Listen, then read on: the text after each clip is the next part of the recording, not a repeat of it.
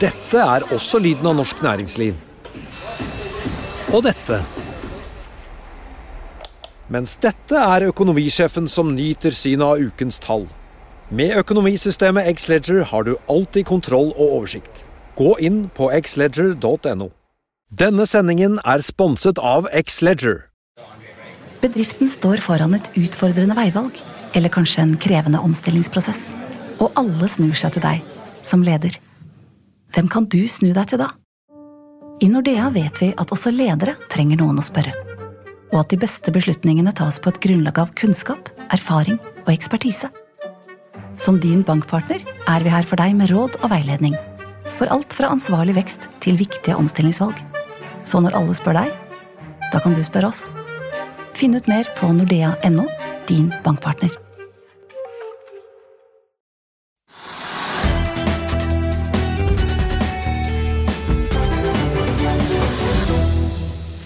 Og velkommen til Økonominyhetene, der jeg har med meg Trygve Hegnar for å snakke om aksjemarkedet. Og vi skal se ukens innslag fra Finansavisens motorredaksjon. Men først en oppsummering av de viktigste hendelsene på børsene hittil i dag. Hovedindeksen på Oslo Børs beveger seg rundt nullpunktet, mens oljeprisen holder seg like under gårsdagens nivå. Et fat brentspot-olje handles nå for ca. 106 dollar fatet. På toppen av omsetningslisten ligger bl.a. Equinor, Yara og Nordic Semiconductor, som alle stiger. Mest opp av sistnevnte, men er 2% Og Vår var opp 0,3% da vi gikk inn i studio, men er nå rundt null. Aker BP, Norsk Hydro og DNB faller på sin side med mellom 0,3 og 0,6 og Det er tre aksjer som har nådd ny all time high i løpet av dagen. Det er Aqualis Bremar, Måsøval og Western Bulk uttaler ikke så veldig ofte de to første selskapene. Eh, den foreløpige vinneren er Ice Group, som stiger 16,3% mens Marcel topper taperlisten med et fall på ca. 9% Euroen handles for 9,7 norske kroner, og amerikanske dollar står i 8,8 kroner. I Europa er det røde børser, mens det var blandet i Asia i morgentimene i dag. Og krigen i Ukraina den har nå gått inn i sin fjerde uke. Er det fremdeles den som preger aksjemarkedene, Trygve? Ja, altså delvis. Altså det, jeg er litt overrasket over at de amerikanske børsene var så bra i går. For de gikk opp rundt 1 eh, de fleste store. Og så har det vært helt flatt på Oslo Børs, som du tok frem. Og det er liksom ingenting. altså Det er liksom 0,3 og 0,1 og pluss minus. Det er ingenting i dag. Og da er det en avventende holdning på hva som skjer. Altså hvis det blir slik at krigen varer lenge, eh, så er det problematisk. For da regner man at det vil bli en sånn embargo mot russisk olje og gass, og det, da vil prisene øke. På den annen side så sitter man og tenker at hvis, hvis liksom det blir en eller annen form for fredsløsning, og krigen blir avsluttet i en rimelig kort tid, så kan prisene synke. Da sitter man og hører på utenriksminister og statsminister hva de sier. ikke sant? Og Hvis det kommer et minste tegn om at fredsforhandlinger er på gang, så synker prisen litt. Hvis det kommer det minste tegn på eller uttalelser om at liksom det ser dårlig ut nå, nå er det ingen løsning, og dette kommer til å vare lenge og det er fælt, så stiger oljeprisen. Og det, Sånn er det nå. Derfor har den lagt seg rundt som du sier, 106-107 dollar på fat, og så var den oppe i 130. Så klart, da liksom alt gikk på at det, krigen skulle vare lenge, og at det skulle være brutalt. Uh, og at man da kunne vente en pris opp på 150 dollar, 200 dollar, for da var alt ille. Men så begynte man å tro, så vidt, på at krigen liksom kanskje ikke ville vare så lenge, og derfor har prisen falt litt ned. Men ikke mye. Den, er fremdeles, den indikerer klart at folk er redde. Men ja, fordi Nå var den sånn rundt 106. Den har blitt eh, omsatt for 109,6 eh, kroner fatet tidligere i dag. Eh, nei, dollar fattet. Ja. Eh, og det var jo, Den prisoppgangen kom jo da etter at en talsmann for Putin sa at de var ikke så nær en, eh, en avtale likevel med Ukraina. Så det går jo tydeligvis Ja, altså, det, er, det, er helt, altså, det, henger, det, henger, sammen. Der man ser at liksom, det minste tror på at det kan bli en løsning, så faller prisen litt med en gang. At, og hvis, hvis, man får de signalene som du nå sier, og som jeg tok sa i sted, at det ser ikke ut som det blir en løsning, og det kommer til å bli en krigsmark der i lang tid fremover, da blir det en eller annen på embargo. Da får ikke Russland solgt oljen sin, i, i, hvert fall ikke til Europa, ikke til USA. Kanskje de får solgt den til Kina eller noen andre. Men det, da, får de, da, får de, ikke solgt den, og så får man da en, eh, en, en prisoppgang på oljen. Som er bra for Norge, som da tjener masse penger på at oljeprisen og gassprisen stiger. Men øh, det betyr jo egentlig også at vi burde pumpe opp mer, da? Ja, men jeg tror vi pumper ganske mye. Jeg er ikke sikker på hvor vi er, på, hvor er vi er. Vi pumper et par millioner fat hver dag. eller sånt. Jeg, jeg, er ikke, jeg, er faktisk ikke sikker på hvor man er, men vi pumper det vi kan. og Det er kommet klare meldinger fra regjeringen om at liksom når da de, våre europeiske venner, særlig Tyskland, ønsker mer gass, så skal de på det. Så Vi har liksom vært oppe nå og sett på de forskjellige anleggene vi har, så skrudd litt på dem, og det kommer mer gass ut nå enn det gjorde før. og Det er for å minske avhengigheten av Russland. Ja, for Tidligere i uken så skrev du en leder der du mente at man skulle stenge gasskranene til Russland. og Russland står da for ca. 40% av eh, gassen til Europa, eller gassforbruket i Europa, mens Norge har vel rundt 20 eh, men, altså, Hvordan mener du at vi skal klare dette? Nei, jeg mener at vi, altså det, Vesten, de demokratiske landene, eh, Europa, USA osv. Vi må ta en, ta, betale for det, ta en støyt. Det vil si at Hvis prisene går kraftig opp og det kommer mindre gass, så må vi leve med det. Vi må bruke mindre gass, vi må rasjonalisere og gjøre tingene bedre osv. Det, og vi må betale en mye høyere pris, både for gass og olje. For det tror jeg er den eneste måten å få Russland og Putin i, i kne på. fordi at de, altså Hvis pengekranene stopper opp, da, altså da, da, da, kan ikke det samfunnet leve, leve lenge.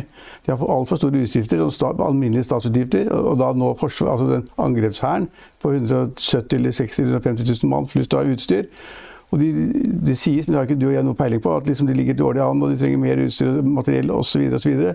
så å drive Russland er kostbart. Og de er i og for seg et relativt lite land i internasjonal sammenheng. Så hvis de mister inntektene fra olje og gass, de mister aldri helt, for det er land som kommer til å kjøpe uansett. Men hvis de mister store deler av de inntektene, så kan de på en måte begynne å rakne under Putin. og Da kan man få en løsning, og krigen, eh, at han blir sparket eller skutt eller på en eller annen måte blir satt, satt, satt, satt ut av spill. Og det er det vi, vi, vi alle håper på. Vi håper jo ikke på at Russland skal liksom vinne krigen og at liksom det skal bli null igjen av Ukraina osv. Vi håper jo på at han på et eller annet tidspunkt skal si at dette går ikke. At verdenspresset blir for stort, oligarkene hakker på han. Politikerne kanskje tenker at hva, hva med oss? Så har vi utgifter til å liksom betale penger i helsevesen, skole, transport osv. osv. Vi tar, han får liksom kniven på strupen og mister de store inntektene, så kan han på en måte måtte gi seg. Men jeg er enig på det, Suez.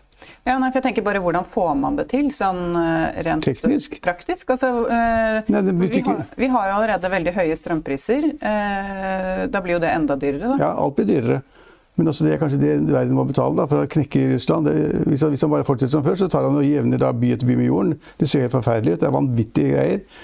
Og det ser ikke ut som han liksom tenker som i det hele tatt. Det, det, vi kan leve med det, men det er forferdelig å se på. Vi er jo heldigvis sitter i Norge og har null problemer. Da må vi kanskje da, Hvis man skal presse Russland, så må man kanskje ta med på kjøpet at strømprisen blir høyere og bensinprisen blir høyere. Det er ikke noe hyggelig scenario, det, men det må vi kanskje regne med. Fordi at Økonomiske sanksjoner de hjelper. De hjelper hvis de er brutale og harde, og bare kutter ut alt, alt, som er. Og Storbritannia er ganske flinke. De liksom kutter på det ene og det andre. De vil ikke importere fra Russland, og de vil ikke, eksportere til Russland. Så der, skjærer de til. og Det sies at det er 1000 sånne oligarker på listen deres, eller oligarker pluss andre navn. Så de, de gjør noe, og Hvis man gjør noe kraftig, så merker de det i Russland. Vi har jo også da, vi har dette oligarkskipet Ragnar som ligger oppe i Narvik. Ja. Eh, hvor eh, man, Siden ikke Norge er med i EU, så har vi så vidt jeg kan forstå, ikke mulighet til å drive med samme type sanksjoner da, som det de har. Men der har jo de som jobber der, nektet å gi dem drivstoff. Ja, altså det er litt komplisert, men altså det er ikke noe vanskelig internasjonal skipsfart å ta arrest i skip det minste uenighet om 5 kroner og 20 øre på en frakt osv., så, videre, så kan du få arrest i et skip når som helst. og Det kan Norge også klare. Men vi har sagt at vi skal ikke gjøre noe ennå. Før vi liksom da vet hva EU gjør, så skal vi gjøre det samme. Og de holder på da få sine eh, krav eh, stadfestet nå, så skal Norge følge de. Men jeg har ingen tro på at ikke vi kunne stoppe det. bare ta arrest i skiver, Altså, da må russerne og eierne på en måte ta et søksmål og gå imot arresten. ikke sant? Det tar tid. Men jeg trodde det var noen sanksjoner som skulle iverksettes i dag i Norge? Mm, ja, det er jeg ikke sikker på. Vi gjør det ikke før EU kommer. hvis vi går etter EU, så kopierer vi det. Så tar vi rett inn i norsk lov. Men eh, i forlengelsen av det, da, hvis vi ser på at det er høye strømpriser, potensielt enda høyere strømpriser og høyere, høye bensinpriser, men samtidig så tror man jo nå eh, at eh, de fleste økonomer tror at Norges Bank kommer til å heve renten mer enn det man har trodd før. Eh, så da, eh, da, får vi jo på en måte høy rente, høy strøm, høy strømpris, høye bensinpriser og ja. Ja, det blir dyrere å leve i Norge. Det er ingen tvil om det. Eh, nå er da Samfunnsøkonomene veldig liksom opptatt av hvor mange ganger skal de heve renten. og Norges Bank skal heve den to ganger, tre ganger, ja. fire eller fem ganger, seks ganger. Og fire ganger i år blir jo 1 bare. Ett poeng. Så, så altså, nå, alle er enige om at norsk økonomi er høykonjunktur. Statsministeren sa det på TV i går. Alle sier det, alle, alle økonomene. Men det vil jo bli liksom litt press da, hvis altså BNP synker i resten av verden fordi det går dårligere. Kina også, på sine egne vilkår. BNP liksom blir kanskje senket i Europa eller på verdensbasis med 1 eller 1,5 prosent eller noe sånt. Poeng. Eh, så altså, jeg, blir veldig overrasket hvis ikke Norge også fikk en liten smell. Ikke stor, bitte lite grann. At liksom BNP-veksten blir litt lavere, og at ledigheten blir litt høyere. Og da er det kanskje også slik at Norges Bank ikke vil heve renten så mye som de kunne tenke seg hvis det liksom plutselig stopper litt opp i Norge. Men akkurat nå så har du helt rett. Det går så det griner, og ledigheten er på 2% og alle er happy. Men jeg kan ikke tenke meg at Norge blir liggende som en liten sånn oase i resten av verden hvis alle andre land får en liten trøkk pga. krigen. Men også norsk økonomi er jo avhengig av eh, privat forbruk. Og hvis, da, hvis det blir sånn at det er dyrere med strøm, dyrere med bensin, eh, høyere rente, så vil jo det ramme norsk økonomi fordi vi bruker mindre penger, da. Ja, nå er vi heldige. Ja, det er opplagt. Men altså, vi er jo litt heldige, for vi har jo husholdningene i Norge har spart masse penger i 2020 og 2021. Sies det. Sies det, men det tror jeg det er gjort, faktisk. Nei, Det har de tall for. Og hvis man liksom henter ut litt av de reservene for å reise på da ferietur til NIS eller Malta eller New York eller London, så har folk stort sett penger til det, tror jeg. Men, men, men de merker selvfølgelig strømregningene. Det kommer i posten hver måned. Og Der ser man at det liksom blir 1000 kroner dyrere eller 1700 kroner dyrere. Og det kan psykologisk virke litt inn, men de fleste har litt å gå på når det gjelder liksom da pengepungen. Det tror jeg. Men eh, eh, tilbake til dette med eh, børsen i USA, som jo steg i går, som du sier. Har det noe med at Fed eh, satte opp rentene å gjøre? Nei, altså det, det, nei det, er, det, er, egentlig litt rart. For at alle regnet med at Fed skulle heve renten, eller de ønsket det. Og en høyere rente er liksom litt dårlig for aksjemarkedet. Og Da meldingen kom at Fed økte renten som forventet, og som de kanskje burde, så gikk det aksjemarkedet opp. Og det er ingen som skjønner. Og Det må da bety at markedet hadde diskontert en renteøkning for lenge siden.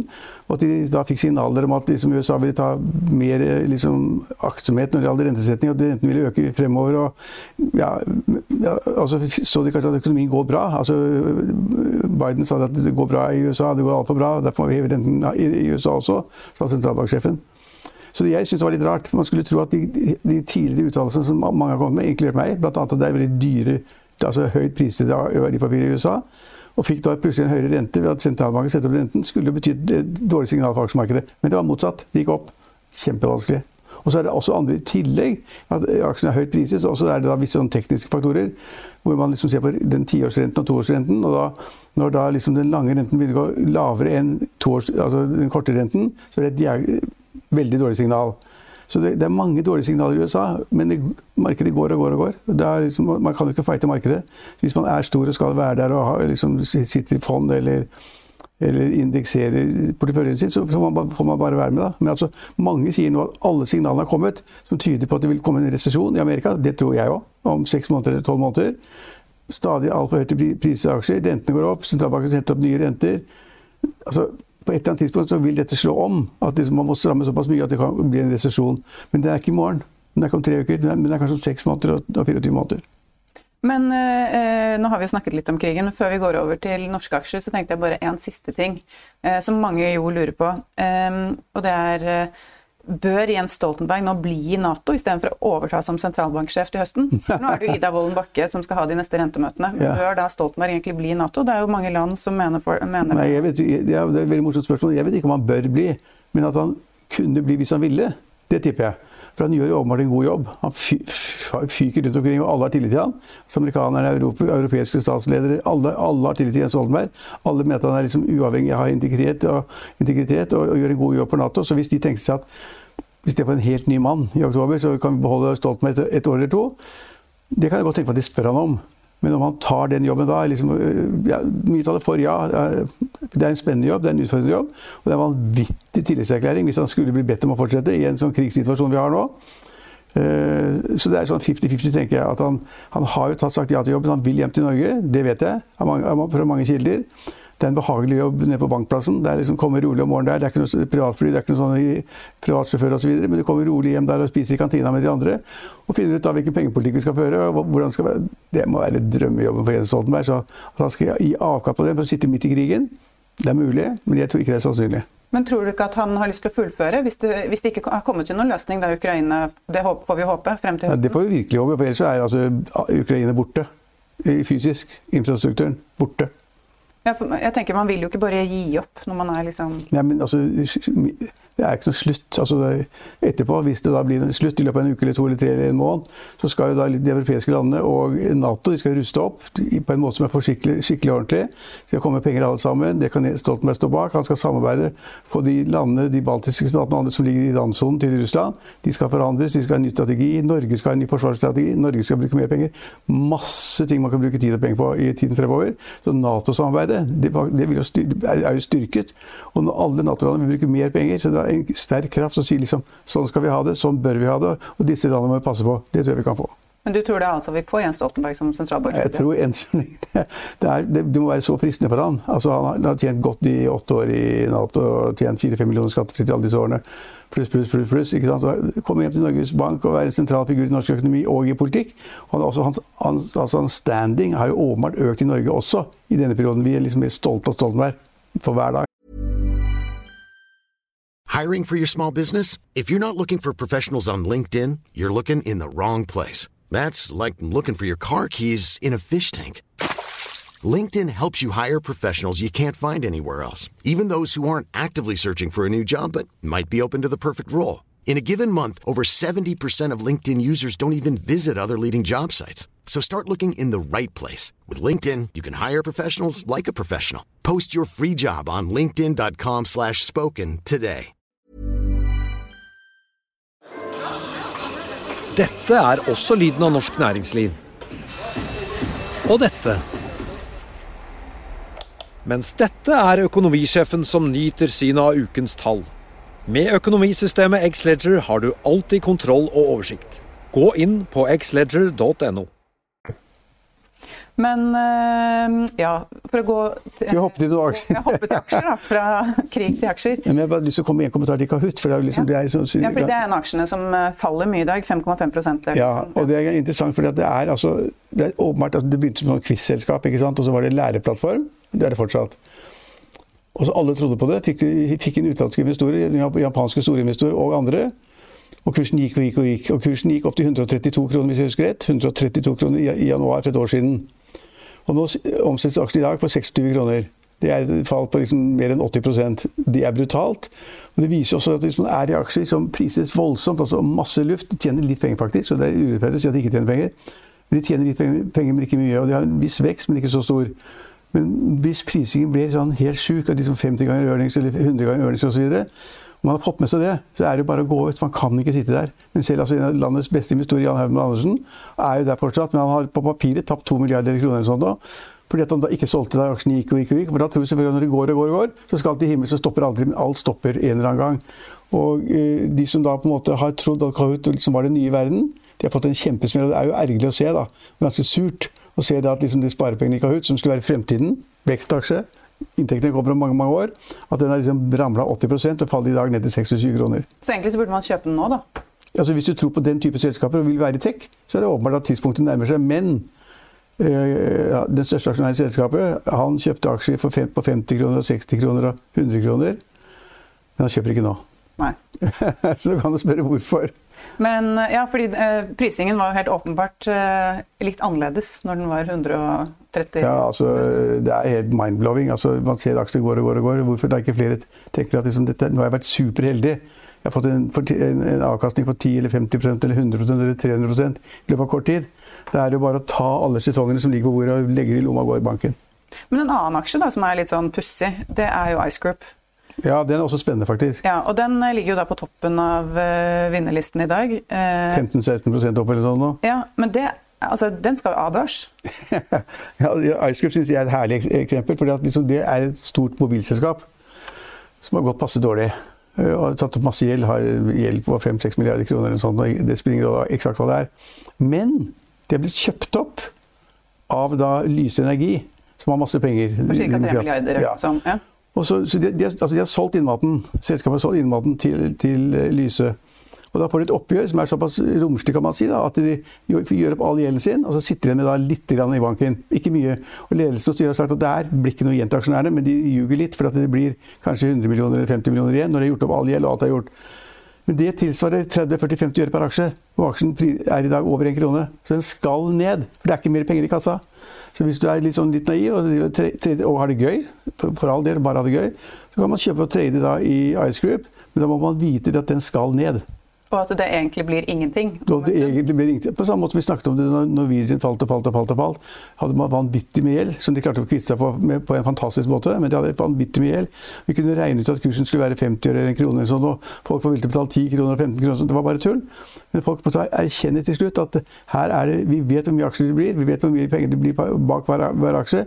og Da skulle kursen ned, og det skal den også i Group. Men uh, en annen aksje Du vil ha en annen aksje, Den tredje aksje ja, ja, ja. som, skal ned? Nå lurer jeg på om vi har samme her. Fortell. Ja, nei, hva, hva, hva, hva, tenker du på? Nei, altså Jeg tenkte på DNB. Ja, DNB-aksjen har jeg ikke så særlig greie på, faktisk. Nei, nei, men jeg bare tenker Den er ned 0,4 i dag. Og Er det da fortsatt liksom straffemarkedet Nei, altså 0,4 pluss minus har ingenting, nei, har ingenting med det å gjøre. Nei. Hvis den skulle se, altså hvis den skulle se en vesentlig endring i aksjekursen i dag, så ville den gått opp 2-3 fordi at da DNB fikk det som de ville og på en måte sikkert har kjøpt ganske smart, tipper jeg. Ganske bra priset. Så Den kursen kan jeg ikke nok om, faktisk, men jeg tenkte på Tomra.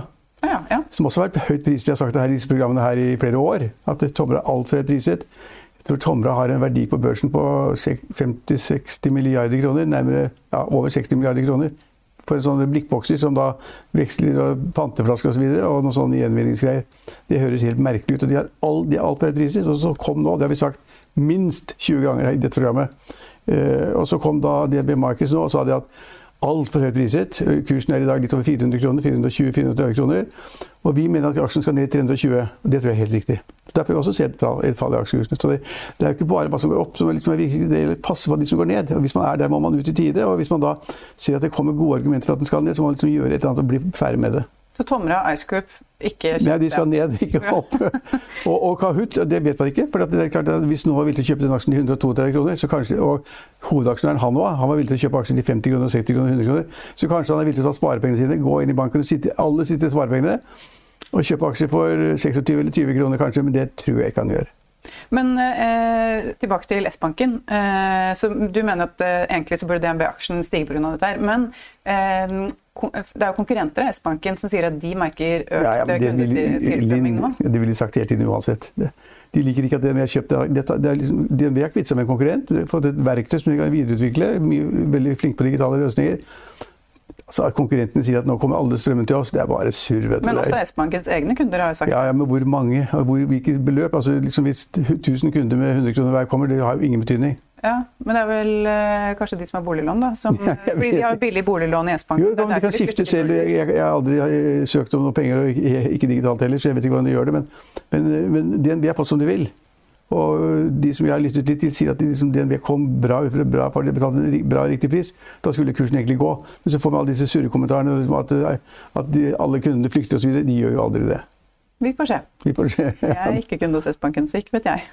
nei, da, men, eh, nei da, men jeg vet heller ikke hvordan det går med DNB-kursen. Men altså, den banken tjener jo 7-8 milliarder kroner i kvartalet, ikke sant. Og de har en, de har en altså, DNB Markets eh, som, som, som kjemper der mot Labeke Sundal og, og, Pareto og alle de andre. ikke sant? De gjør det kjempegodt. De tjener liksom penger hele tiden. De er, er gode, de er store, de er flinke og gjør mange riktige ting. Så altså, DNB er, det er en pengemaskin. Det er Norges største finanskonsern. og de, Det var irriterende for dem at de ikke fikk S-banken med en gang, men det, det, det fikk de til slutt. Men øh, det kan jo hende at S-bankens kunder er redde for at det blir dyrere, da?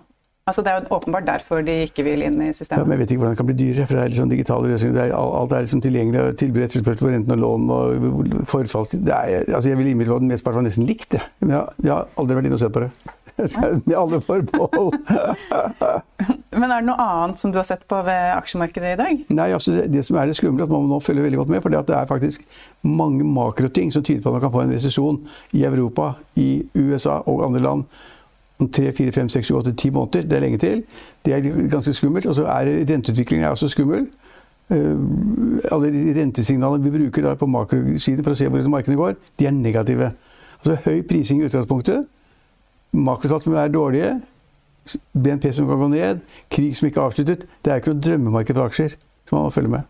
Og så er det da denne oljeprisen, da, som uh, Oljeprisen er en X-faktor som er helt umulig. Altså Det var i 130 dollar på fat for en uke siden, eller halvannen uke siden, og nå er vi på 106 eller 107. Den kan gå rett i 90 eller Den var jo på tre dager siden, Linn, så var den jo 97. 98 eller 97, ja. 97,9. Ja, altså Utslagene er altfor store. Altså, opp 9 og ned 5 det, det har ikke jeg peiling på. Det tror jeg ingen andre peiling på heller. Det er liksom Hva vil OPEC-landet? Hva vil OPEC pluss? Og hva vil Iran? Og hva vil, hva vil Russland? Og hva vil, vil vi i Norge? Altså, det er jo ingen som klarer liksom, å lage en modell ut av det. Det er altfor vanskelig, så det ville holdt meg langt unna. Men uansett altså, er i hvert fall oljeprisene høye, og det gjør at bensinprisene er høye. Og da kan vi gå naturlig over til eh, bilstoff. Ja, bilstoff også, ja. For det er straks helg, og det betyr at det er tid for litt eh, bilstoff. Finansavisen Motor har vært ute på bane og testet nye BMW i4 M50 mot Porsche Taycan, og her kan dere se hvordan det gikk. Hvis du elsker å kjøre bil og tenker at eh, ja, nå er det kanskje på tide å gå over til en elbil, da er det ikke utenkelig at du skal ha en av disse. For Porsche Taycan har fått en litt farlig konkurrent nå. BMW I4 M50.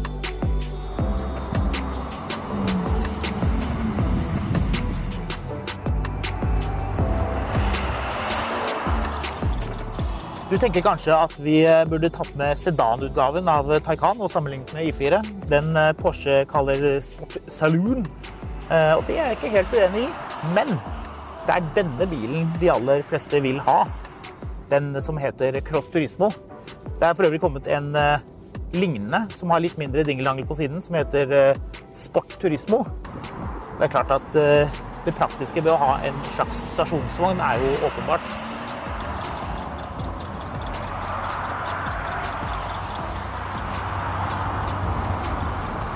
Hvilken du skal ha, er ikke opplagt, men hvilken som er billigst, er helt åpenbart.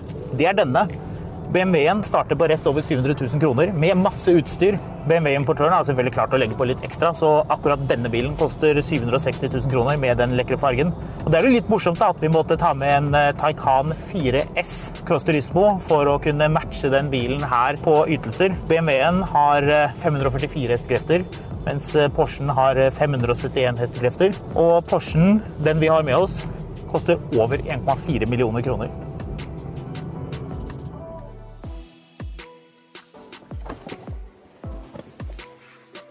Det er selvfølgelig kjøreegenskapene du er opptatt av.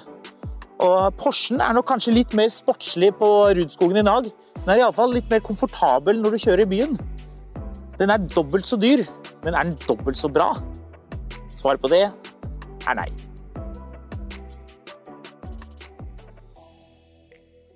Vi går videre i sendingen, husk at du også kan se sendingene våre ved å gå inn på fano-tv, og at vi også har andre podkaster enn bare Økonominyhetene, som Morgenkaffen, Gründerpodkasten Veien hit, Ukens vintips, Kunstpraten og bilpodkasten Mil etter mil. De finner du ved å søke Finansavisen, der du hører på podkast. Og det var det vi hadde for i dag. Takk for følget. Vi er tilbake på mandag klokken 14.30. Husk å kjøpe Finansavisen i helgen. Vi ses.